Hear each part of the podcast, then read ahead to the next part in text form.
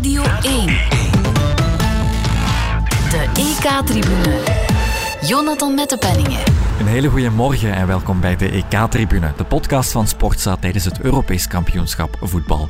Na de uitputtingsslag die Italië gisteren de finale zag bereiken, was het aan Engeland en Denemarken om hun duivels te ontbinden. En elkaar ook nu tot een uitputtingsslag te dwingen. In een uitgekookt Wembley, ingepalmd door 50.000 uitzinnige Engelsen en aangevuld met 8.000 Deense expats. En dat overwicht, ja, dat heeft zo zijn invloed. En daar is Sterling in het strafschopgebied op de achterlijn. Gaat liggen en we krijgen een penalty. We krijgen een penalty voor Engeland. Het stadion ontploft. Strafschop voor Engeland. Mensen in het stadion filmen dit moment. En Kane mist die bal. Herneming binnen. Het is wel 2-1. Eerste redding van Schmeichel. En dan de rebound voor Harry Kane. Engeland staat in de finale. Dat liedje krijgen we dus ook niet meer stil. En het zal alleen nog maar luider gaan klinken, want in de finale, ook in Wembley, nog eens een thuismatch, moet de beker opgeteld worden. Football's coming home, of eerder staying home. Dat is de bedoeling. Wie me daarover veel meer kan vertellen, dat zijn Bert Sterks, de radiocommentator bij die wedstrijd, en Tim Wieland, de kenner van het Engelse voetbal bij Sportza. Dag mannen. Dag mannen. Hallo. Uh, Bert, jij zit nog in, in, in, Wembley, dat horen we ook. Het is, het is zelfs voor mij, en ik gok voor Tim ook, oorverdovend. Uh, waar zit je ergens? Uh, ik zit nu nog in de perstribune, redelijk laag eigenlijk, niet zo ver van het terrein. Uh, de radio zit wat lager dan de televisie, die mogen wat hoger zitten. Die zijn hoger in rang, hè, dus die mogen wat hoger gaan zitten dan wij. Maar zo dicht bij het terrein, het heeft natuurlijk wel wat. En ik moet zeggen, nu, we zijn hoe lang na de wedstrijd? Een minuut of twintig of zo, denk ik. Zoiets. Zijn de meeste mensen vertrokken, maar ik kan je garanderen dat het hier nog een pittig feest is geweest tijdens de wedstrijd, maar ook erna. Um, het is lang geleden dat ik nog in zo'n vol stadion heb gezeten en vooral zo luid. Dus ik denk dat ik uh, nog een paar dagen suisende en tuitende, tutende oren ga hebben. Ja. ja, ik wilde zeggen Bert, die zijn niet naar huis. Hè. Maak je geen illusies. Hè. Je gaat hier nog een paar keer tegenkomen, denk ik. Engeland was, was dominant, dat was duidelijk, maar kon wel 103 minuten lang niet op voorsprong komen tegen de Denen. Tot die penalty. En die was nu toch wel enorm licht, vond ik. Wat dachten jullie? Ik weet niet of Bert, Bert heeft hem live ook kunnen zien. Dat is altijd zijn andere ja, idee. Ja, die was licht. Ik, ik, had live het gevoel dat het er een was uh, in, in volle snelheid. Dat wel. En als ik er dan een aantal keer terug naar keek, dan begin je te twijfelen. Ik, ik heb het gevoel dat er licht contact was tussen de twee. Anderen denken van niet op een bepaald camerastandpunt. Ik dacht dat hij hem licht aan zijn onderbeen raakte en dat hij daardoor viel. Maar er zijn dus tegenstrijdige meningen inderdaad. Ik denk, ik, ik heb ook een, een herhaling of uh, vier, vijf gezien en, en het is wel degelijk een klein contact. Maar het is uh, wat uh, al jaren hem verweten wordt. Namelijk dat Sterling veel te snel gaat liggen. Ja. En waardoor er uh, van de 20 Premier League ploegen 19 ploegen een hekel aan, hen, aan hem hebben. Zijn er nu, uh, hoeveel waren het er, uh, Bert? 60.000 mensen euforisch ja. dat, hij hem zich, dat hij zich liet vallen. en dat hij op het juiste moment de, een, een, penalty kon, kon afdwingen voor Engeland. Zo, zo, simpel is het nu eenmaal. Het is nu voor Engeland en dan, dan mag het. Het is zuur voor Melen, hè, die zo'n goed toernooi heeft gespeeld en dan ja, eigenlijk half door zijn, toe, zijn toedoen die penalty uh, veroorzaakt. En uh, ja, dat, dat blijft dan wel hangen natuurlijk bij me. Als het, te, als het tegen België was geweest en ik had zo'n uh, penalty tegengekregen, dan had ik wel wellicht minstens een schoen of een, of een fles wijn of zo naar het scherm gegooid. Zo'n zo penalty wil ik niet tegenkrijgen. Dan, uh, dan hadden we Makkeli vervloekt als Prendergast destijds. Uh, Tuurlijk. Uh, ja, ja. Tuurlijk. Maar toch een als beetje vreemd dat hij niet gaat kijken naar, naar het scherm, naar de VAR. Dat is de regel, hè? Dat is de regel. Ja? Het is de nieuwe regel en die is op het EK eigenlijk vrij consequent toegepast om te zeggen: je mag alleen gaan kijken of je wordt alleen herroepen als er een echt duidelijk bewijs is dat de scheidsrechter geen gelijk kan hebben. Mm. En dus in de meeste gevallen, in 99% van de gevallen, kan een scheidsrechter bij een interpretatie van een, van een voetbalfeit, mm. kan hij gelijk hebben. Zoals hij nu ook gelijk kan hebben met het feit dat hij gezien heeft dat er een licht contact is tussen Melen of wie was de andere, Jensen zeker, die, die misschien ook Die nog, een, nog, ja. eh, ook nog een, een licht contact met Sterling heeft. Mm. Maar dat is nu eenmaal de nieuwe regel. En voor VAR bestond, was het eigenlijk hetzelfde. Hè? Mhm. Dan moest je je neerleggen bij de, bij de wijsheid van de scheidsrechter, ook al was die mis. Daar, daar heb je gelijk in. Maar goed, de, de, opzet van de wedstrijd die was ergens natuurlijk ook niet, niet eerlijk. Casper Gielman, de coach van de Denen, die wilde zijn team absoluut niet de underdog titelen. De sterkte van de kernen met elkaar vergeleken, oké. maar in die heksenketel, onder dat gejoel, ja, schakel dat maar eens uit voor jezelf. Als Deen daar op het veld. Ja, dat is een ongelooflijk voordeel. Je voelde ook al wel voor de wedstrijd dat er iets aan het opbouwen was. Dat het ook in de stad bruist. En je kan dat hebben. Hè. In Engeland, ik heb hier 20 jaar geleden gestudeerd in, in Sheffield. En als de nationale ploeg speelde, dat was toen voor de kwalificatie van het WK 2002. Beslissende wedstrijd. En Engeland moest die moest beter doen dan Duitsland, als ik me niet vergis. En, uh, Duitsland was aan het gelijk spelen tegen Finland of zoiets. En uh, Beckham maakt dan hier op Wembley tegen Griekenland nota bene ook heel laten gelijk maken. Ze moesten even goed doen, zo was het. En dat was toen ook al, dat leefde. En op dat niveau heb je dan nog iets meer de tegenstelling tussen de clubs. Want ja, de Liverpool-fans die konden dat dan niet hebben, dat Beckham scoorde. Dus dat is nu weg. Dat voel je, dat, dat is nu allemaal verenigd. Ze vinden elkaar nu allemaal leuk. En ze voelen dat ze naar een climax aan het toewerken zijn van voor die wedstrijd al en ook hier in het stadion voor, voor die fans kan dat al niet meer mislopen, denk ik. Die, die, die voelen zich al Europees kampioen en uh, die, die voelen heel hard dat het in die finale ook wel gaat lukken. Dat, dat, dat is het gevoel dat hier heerst, dat, heb ik het Vooral ik denk ook dat we onderschatten, Jonathan, sorry dat ik u onderbreek. Ik denk ook dat we soms onderschatten hoeveel pijn het gedaan heeft om in 96 eruit te vliegen in, uh, op het EK in eigen land. Ja. Waarbij dat ze eigenlijk bijna, ja, ze waren alleszins uh, een betere ploeg toen. Ze hadden toen een absolute superster met, met, uh, in Paul Gascoigne. Ze hadden afwerkers met Shearer, met Sheringham. zij konden dat toernooi perfect gewonnen hebben. En er stond een Duits blok tegenover hen die minder kwaliteit had dan, dan zij. En ze gingen er toch uit met de, met de strafschoppen. En dat hadden ze toen helemaal niet verwacht. En dat is een trauma gebleken dat, dat heeft gigantische eh, wonden uh, gemaakt bij, bij de Engelse voetballiefhebbers. En ik denk dat ze daar nu voor een stuk toch vanaf zijn. Ja, alhoewel. alhoewel. Duitsland, Duitsland hebben ze al geklopt en ze zijn door de halve finales. Dus dat, ja, dat trauma moeten, dat van toen is verwerkt, toch, maar er kan ook een nieuw komen. Ja, ze moeten, ja, absoluut. Ze moeten die laatste stap nog zetten. Ja. Voilà. Vooraf leek dit vooral een, een, een tactische schaakwedstrijd te worden, 3-4-3 of toch gewoon 4-3-3. En daar misschien ook nog eens ergens een buffer in verstoppen om in die wedstrijd ook snel te schakelen. Het werd een 4-3-3 bij de Engelsen, de juiste keuze ook denk ik, want de drie aanvallers die konden de Deense verdediging echt zo laag vasthouden met die hoge druk. En ook Sterling en Saka, zeker in het begin, die konden heel vaak in de rug van de vleugelverdedigers duiken. Dus Van Melen en Striker Larsen, zo kwam het doelpunt ook tot stand. Maar die exacte fase kwam toch eigenlijk drie keer voor, dacht ik. Ik dacht eerlijk gezegd vooraf dat hij zijn, eh, dat hij zijn opstelling ging aanpassen, Gerrit Southgate, zoals hij tegen Duitsland had gedaan. Omdat hij daar die flanken van de Duitsers hm. goed had kunnen landleggen op die manier. Maar ja, ik geef hem een pluim, want hij heeft het nu met zijn eigen manier van voetballen en eigen formatie eigenlijk ook gedaan.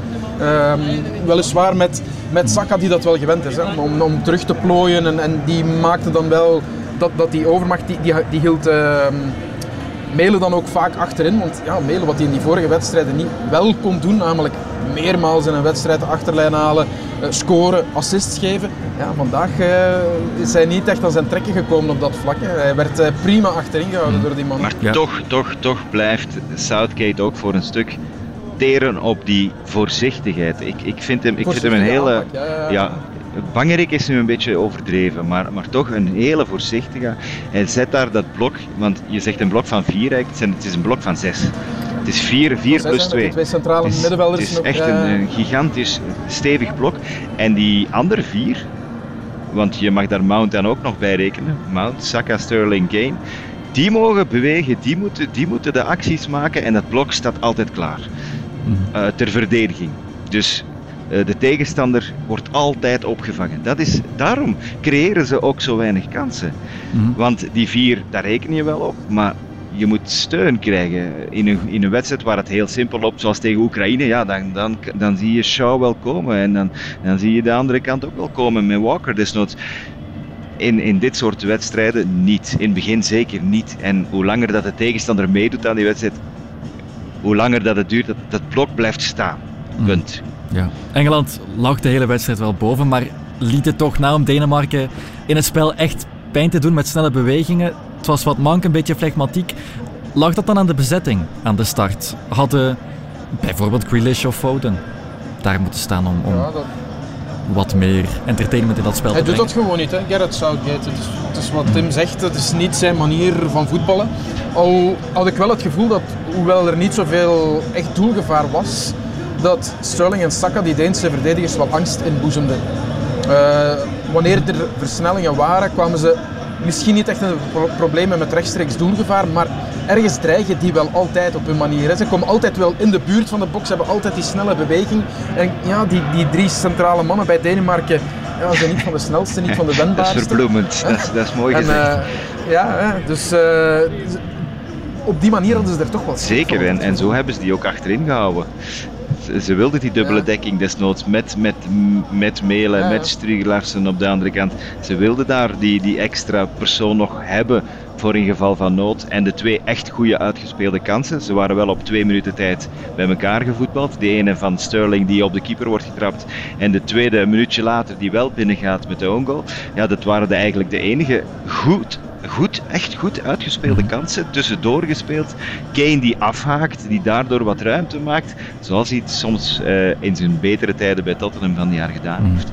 Eh, maar te weinig, te weinig. Ik vond het qua creativiteit iets, iets te weinig. Ja, wat, En wat nog meer opgevallen is, hij heeft Grealish erop gebracht en hij heeft Grealish er terug afgehaald. hè. dat is heel opvallend. Hè. Ja, Dat is, dat is, tactische echt, dat is wissel. een pijnlijke hoor.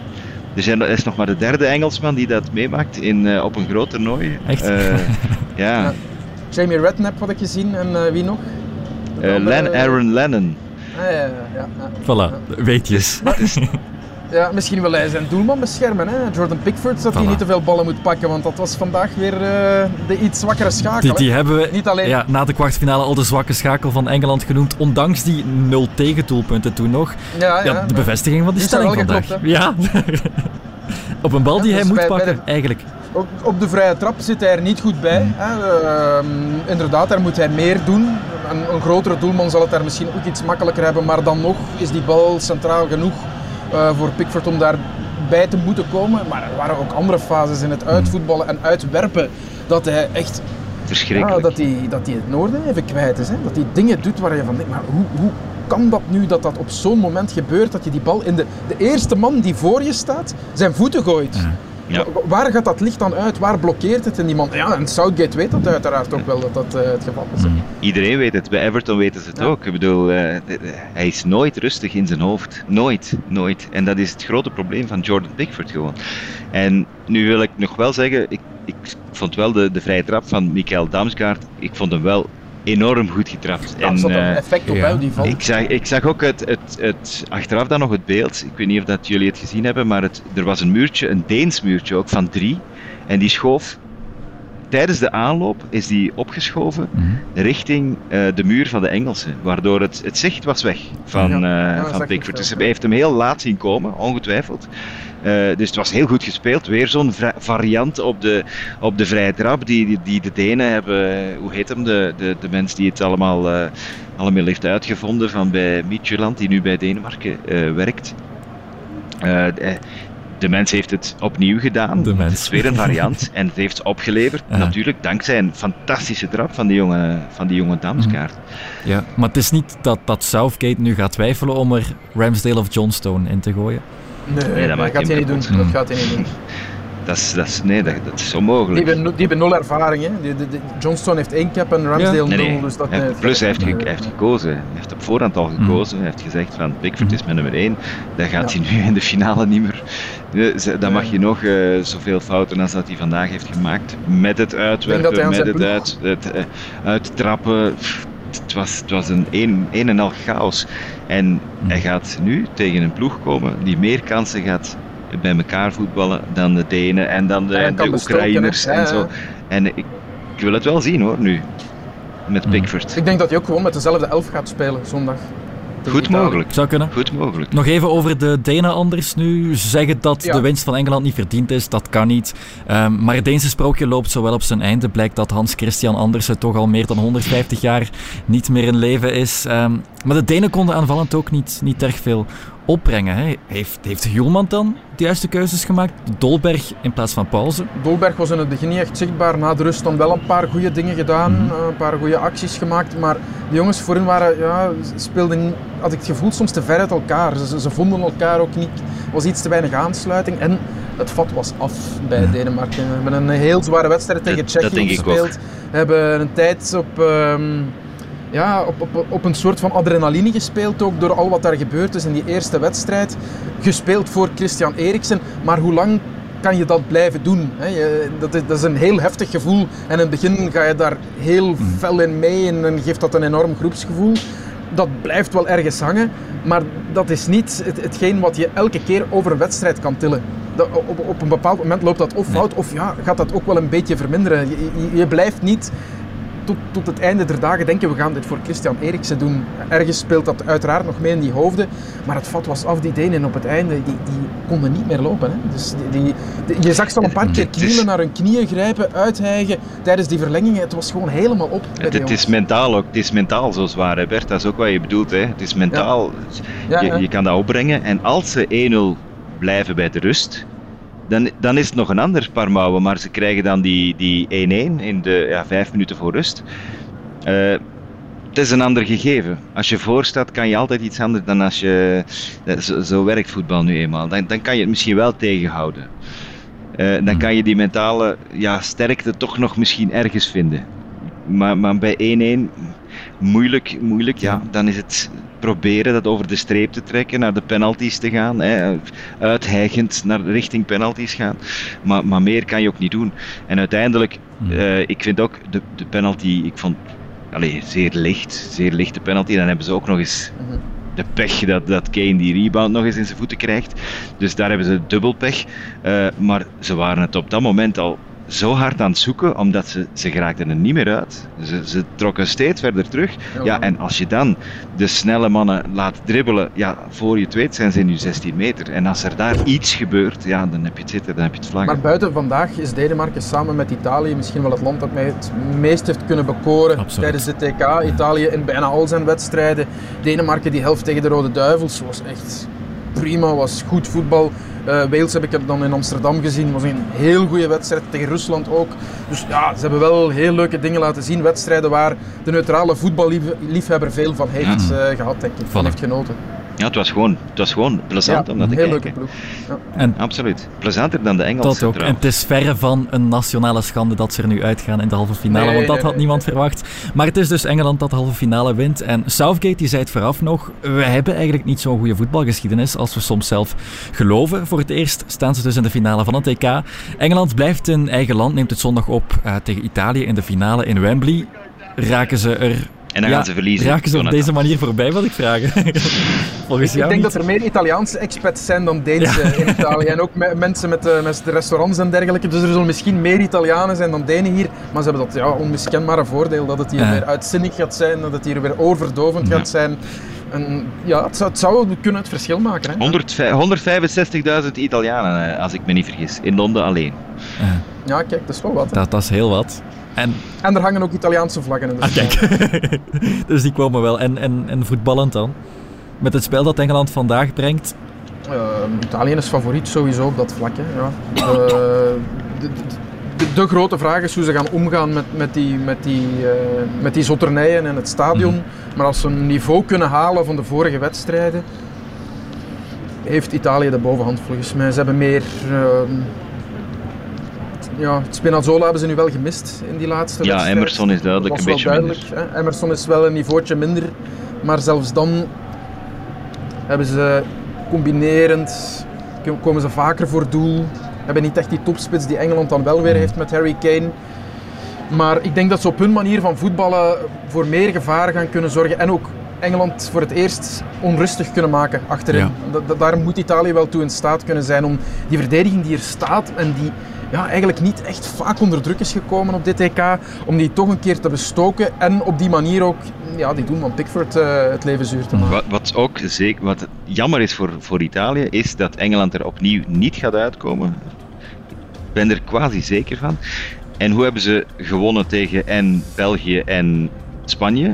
Twee goede ma- matchen, maar Op de omschakeling waren ze het gevaarlijkst en hebben ze hun doelpunten gemaakt. Be- een doelpunt tegen Spanje was zo, eh, tegen, zeker de tweede tegen België was zo. Eh, het is, het zijn, eh, ze zijn razendsnel in de omschakeling, maar Engeland gaat daar een blok tegen zetten, opnieuw, Ja. om, om het risico te schuwen om dat mee te maken. Mhm. Dus het zou wel eens een, een, met een, een finale met heel weinig doelpunten kunnen zijn. vrees. Voilà. Engeland wint van Denemarken en zo krijgen we Italië-Engeland in de finale. Zondag op 11 mei om 9 uur op 1 en op Radio 1 en daarna gefilterd in onze podcast. Maar dat is voor zondag, of eerder op maandag voor de podcast. Voor nu heel erg bedankt Bert Sterks en Tim Wieland. Graag gedaan. Graag gedaan.